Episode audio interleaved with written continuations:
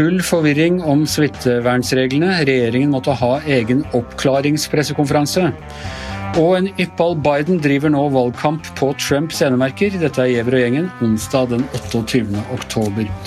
Ja, Astrid Mæland, du har vært på pressekonferansen eh, regjeringen akkurat har holdt. Ikke for å informere om nye smittevernregler, men for å, få, for å oppklare den forrige pressekonferansen. Hva har dere funnet ut?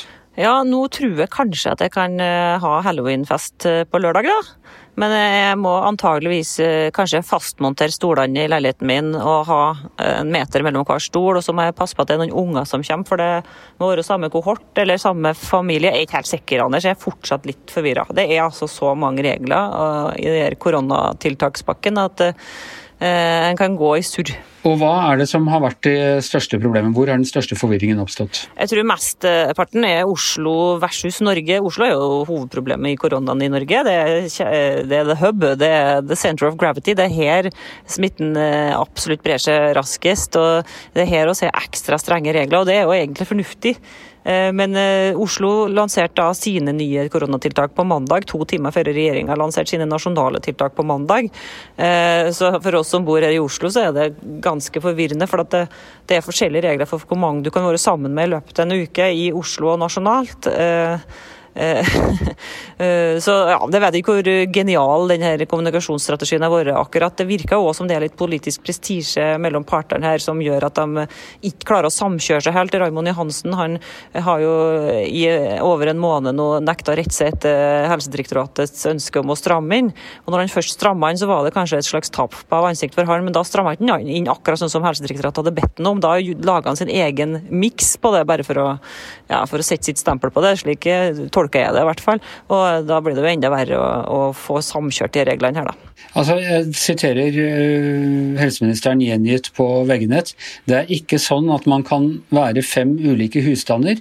Utgangspunktet er at man kan ha besøk av fem, men om alle gjestene er fra samme husstand, kan man gå over fem. To voksne og fire barn kan inviteres selv om de er seks, sier statsråd Bent Høie. Eh, han legger til anbefalingen om maks fem også gjelder i Oslo, men i Oslo kan man bli straffet om man er mer enn ti. Altså kompliserte regler, og man blir straffet hvis man ikke følger dem. ja, det er jo det som er spesielt med Norge, og kanskje i motsetning til nabolandet vårt Sverige. For der er det jo råd alt sammen. Mesteparten er råd der, da. Mens her er det jo masse juss inni bildet. Det er en stadig lengre covid-forskrift. For at her er det jo faktisk en god del ting som er forbudt.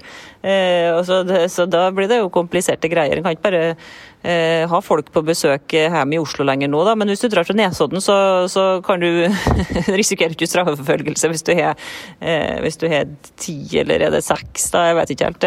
Det er òg forskjellige regler ikke sant? etter hva slags lokale du er i. Er det privat hjem, så er det fem. Men eh, er du en privat bursdag i et leid lokale, så er det 20. Eh, kanskje, i hvert fall. Jeg vet ikke helt hvordan det blir i Oslo.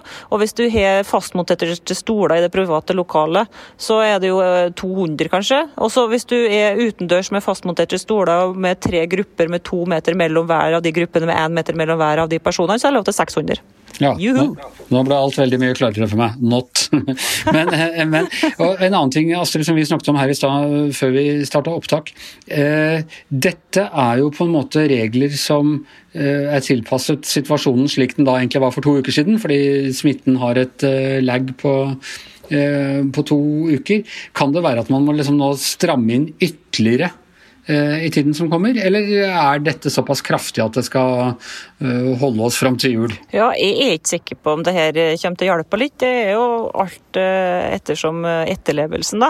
Vi har jo sett tidligere at folk ikke er så ivrige på etterlevelsen. Det spørs litt hvor redd vi er, og jeg tror ikke kanskje folk er redde nok ennå. Akkurat sånn som du sier, så er det et legg her. altså Da snakker vi om innleggelser. Det kommer jo typisk kanskje to uker da, etter at man har fått smitte, kanskje én uke. Sånn at vi vil jo tro at nå har jo tallene bare blitt helt forferdelige i, i, de siste dagene. da. Og nå vil jeg tro at det kommer til å bli bare verre og verre på innleggelser, helt til det på, på, et tidspunkt snu. Da altså da må man håpe at tiltakene virker. Fordi at uh, de som blir innlagt i dag, de ble jo smitta for ja, kanskje to uker siden. Da, så det vil jo fortsette. Men vi får virkelig håpe at det hjelper. Det hjelper jo sikkert litt, de her, her oppfordringene. Vi blir jo litt mer skremt. men Eh, regelsalaten gjør jo det litt vanskelig da. Eh, hovedbudskapet til regjeringa er jo egentlig godt og kjempeviktig. Nå er de jo klart å, å stay on message her da, med å si at det viktigste er ikke fem eller ti eller tak eller husstand eller fastmonterte stoler, men det er bare det at vi skal møte mye mye mindre folk, at vi skal holde mer avstand. Og kompliserte regler til tross, vi ligger fortsatt best an i Europa, er det sånn? Ja, det er jo noen rare land som kanskje ikke registrerer covid og ikke tror på korona, da, sånn som Hviterussland, men uh, smitte skattenivået i Norge er lavest i Europa. Det, det, er jo fordi at vi har vært flinke, men kanskje mest av alt fordi at de har mye mer problemer lenger, lenger sørover. da. Eh, og vi har òg få dødsfall. altså Det er jo ikke noe utfall. Det er litt flere innlagte nå. Det har jo gått opp smittetallene siden august, men det har jo ikke vistes på dødsfallene i det hele tatt, heldigvis. Og det har ikke vistes så godt på innleggelser heller, men det har gått opp litt nå siste uka. Ja, vi får uh, trøste oss med at vi da tross alt legger godt an når vi går inn i denne, en av de mørkere vintrene vi har vært eh, på vei inn i på ganske lenge. Tusen takk til deg, Astrid Milland.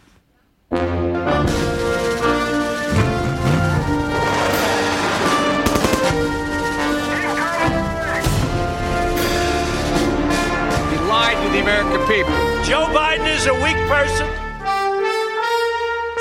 Ok, vi nærmer oss slaget ved Armageddon, hvor uh, vi skal stå til knes i våre fienders blod, eller hvordan var Per Olav, du som har jobba i Vårt Land, åssen er profetien? Ja, jeg har vanligvis ikke brukt den, de samlingene der annet enn når jeg skriver om Midtøsten. så jeg har litt, Nå snakker vi om Midtvesten og andre sånne stater, så det er litt ukjent terreng, det. Men uh, jo, jeg kjenner til uh, historien. Vi får høre med, med Hanne, som er som jeg holdt på å si befinner seg på Armageddon, som befinner seg i Washington.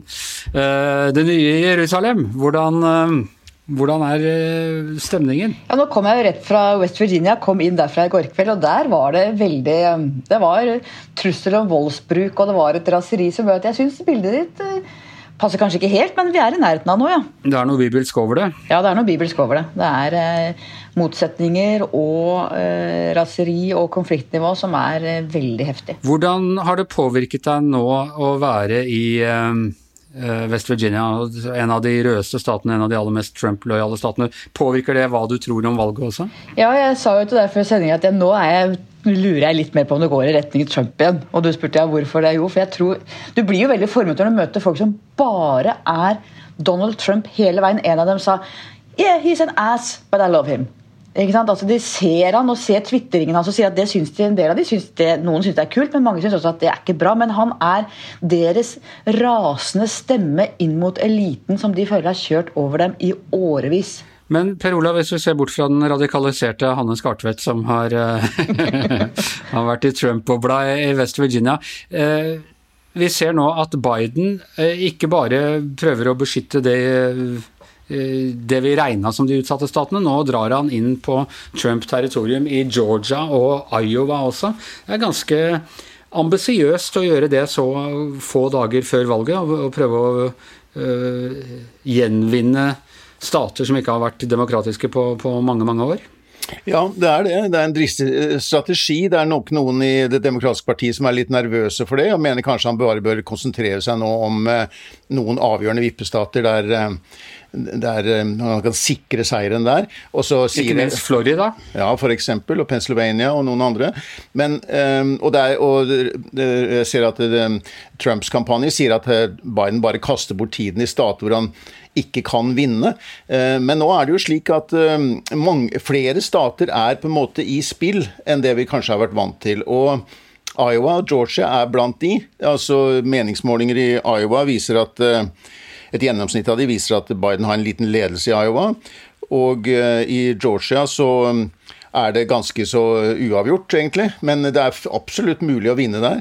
Og så ser det så ut som at Biden har utforsket noen av disse statene som kan vippe i demokratisk retning, mens eh, Barack Obama, som nå også er virkelig fullt ute i valgkampen, han går inn i disse avgjørende vippestatene og er på en måte den eh, aggressive part her og kjører hardt mot Trump i eh, Florida, Pennsylvania, andre viktige stater. Andre gang Obama har vært i Florida nå på fire dager. Ja, han, Dette har vi for så vidt snakket om tidligere, men, men nå, nå, driver eh, Obama og driter ut uh, Trump igjen. Det husker jeg han holdt på med under en White House Correspondent Dinner i 2011, og mange mener jo at det var da Trump bestemte seg. Hvor smart er han?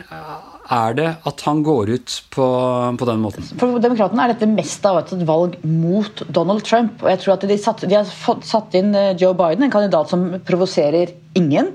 Som er en veldig sånn electable, valgbar i midten. Og Det de må satse på, tror jeg er å liksom piske opp mest mulig av stemningen mot Trump for å få flest mulig til å virkelig ønske å bli kvitt han og ri på den bølgen. og i Sett i lys av det så tror jeg at det er eh, ganske smart.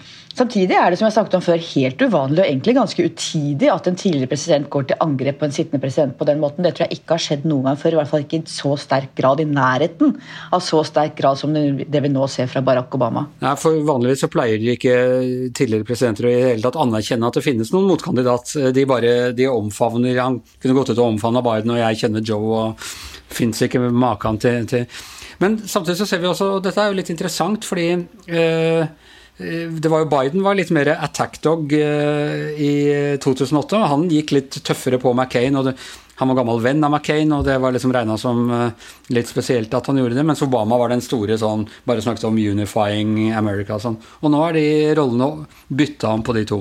Ja, det, det er det. Og vi, ser, vi, så at Biden, når han var i Georgia nå var, Han besøkte det stedet der Franklin Delano Roosevelt ble, fikk behandling for polio i sin tid, og, og snakket fint om uh, at uh, nå måtte hele nasjonen stå sammen, og nå måtte man lege disse, uh, denne splittelsen i landet osv.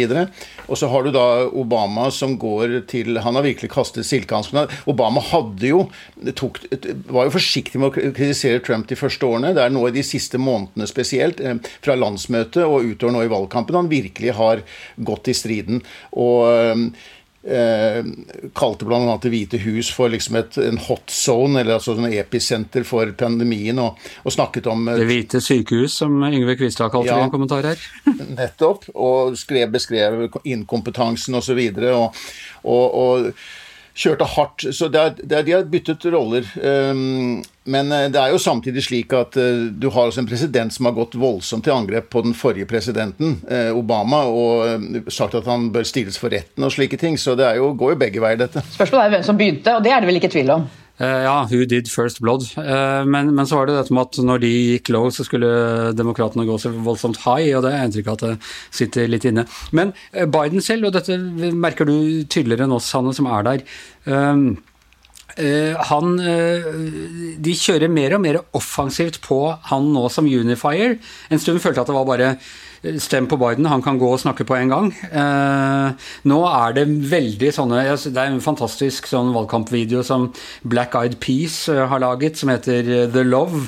hvor de, En gammel Black Eyed Peas-sang hvor de tonsetter talene til, til, Biden og viser hvordan han klemmer folk av alle farger og med alle mulige mentale utfordringer og, og, hva det måtte være. Han fremstilles veldig som liksom den amerikanske eh, bestefaren. Er det en Eh, økning i liksom sånn eh, Er det et press bak Biden nå som er sterkere nå enn det var bare for noen uker siden? Ja, jeg tror at, det, at Demokratene også ser at det, det veldig mange tørster etter nå i USA, er jo nettopp samling, unity, eh, en annen tone. selv blant republikanere så mener de at det er altfor hardt. ikke sant? Så det er klart At det å, å, at Biden kjører på på den måten, det så vi også på siste debatten, hvor de begge kandidatene ble utfordret på hva vil du si til hvis du blir valgt til president til de som ikke stemte på deg, hvor Biden holdt en veldig fin sånn 'jeg er alle amerikaners president', bladdy, bladdy, bladdi, bla, ikke sant? Mens Trump bare gikk rett i angrep igjen og snakket om fortiden og hvor dum Biden var. Så det er klart at De ser nok at dette er det sterkeste kortet, faktisk, men jeg på demokratisk side er nettopp Biden som unifier. Han er jo en gammel mann, han er øh, Han har mye som på en måte ikke gjør han til den optimale kandidaten, men akkurat dette er det kortet som de nok tror at gjør at vi kan vinne. Men dere, en ting som også uh, litt spennende nå. I natt var det opptøyer i uh, Philadelphia etter at politiet hadde skutt en, og drept en, en, demonstrant. Dette var det første jeg hørte på norske nyheter da jeg våkna i morges. Det står mye om det i norske medier. Det ser ikke ut for meg som om det er, står, er så mye om det i amerikanske medier ennå. Selv ikke Fox News, Hanne. Og dette er jo et, en av de tingene jeg ville tro at Trump-kampanjen kjørte knallhardt på. Ja, jeg skudde på TV da jeg våkna i dag morges og var veldig opptatt av å finne noe om dette. og Det var litt vanskelig. Jeg fant det på Fox etter hvert, og de har nok kjørt det eh, i de tidlige morgennyhetene før jeg våkna. Men det er mye mindre enn jeg hadde trodd. For jeg trodde at dette skulle liksom teppebombe alle TV-kanaler, at det var det store. Det er det ikke. Det jo, altså I dette tilfellet så var det jo en uh, ung uh, Eh, svart mann som ble, ble skutt. Eh, kanskje had, Angivelig hadde han en kniv på seg, men det var altså en som hadde mental eh, sykdom. Litt usikkert om hva han var bevæpnet, men det har vært en påstand, det. Og han ble skutt. Det, jo, det utløste umiddelbart demonstrasjoner, som da utartet mer sånn i plyndring da, i, i Philadelphia etter hvert. Og det minner jo om mange av disse sørgelige historiene som vi har hatt tidligere i år. Og ikke minst i Wisconsin så ble det jo voldsomme ja, Det var ikke det første som skjedde, men Wisconsin ble også åsted for veldig store demonstrasjoner. Og også ødeleggelser i forbindelse med de demonstrasjonene. og Det var da Trump kjørte voldsomt på dette med lov og orden, som skulle da være slagordet som kanskje kunne vinne valget for ham, og flytte litt av fokus fra pandemien. Men eh, hvis vi ser på Wisconsin i dag, så har ikke det flyttet noen velgere. I Wisconsin har, eh, har eh, Biden en klar ledelse, uh, ifølge gjennomsnittet av målingene. Ja, så det er, ser ut som alle disse Det dreier seg bare om covid. Trump sier covid, covid, covid, og Obama latterliggjorde han og sa at han er misunnelig på koronavirusets mediedekning. Og det er vel kanskje noe i det. Hanne, hva skal du videre nå? I dag har jeg skrivedag, og så har jeg noen avtaler her i byen, i DC. Her er mange spennende folk å snakke med. Ja, du har bodd i DC, så du er, gjør gjerne noen avtaler der, du? Ja, jeg er jo veldig glad i denne byen, det vil jeg si. Og så reiser eh, både jeg og VGTV-teamet til Florida på lørdag. Og da treffes vi nesten, for jeg skal til, dra til Texas eh, i morgen. Ja, da treffes vi nesten. en annen, annen stat fra, fra konføderasjonen, eh, i hvert fall. Uh, det, jeg bare tenkte, det, er ganske interessant. Texas er veldig er spennende der også, for det er jo virkelig en rød stat som du reiser til, Anders. Men det er bare slik ifølge målingene at Trump har en ledelse på 3 Jeg tror ikke noen av oss regner med at Biden skal vinne Texas, men det er, det er uvanlig at det er så jevnt. Og så syns jeg det er en annen interessant ting i dag, og det er nye tall som viser at 70 millioner amerikanere allerede har stemt i valget. Og det er altså halvparten, det er over halvparten, tror jeg, av de som totalt stemte for fire år siden inkludert på valgdagen. Det er jo Hva det kan bety, det blir interessant å se. Vi, om, det vi i hvert fall betyr, tror jeg er at vi får en rekordhøy valgdeltakelse i år. Det er jo alltid bra for demokratiet. og amerikanerne er jo ikke, Det er jo relativt få som stemmer i USA, sammenlignet med i andre demokratier.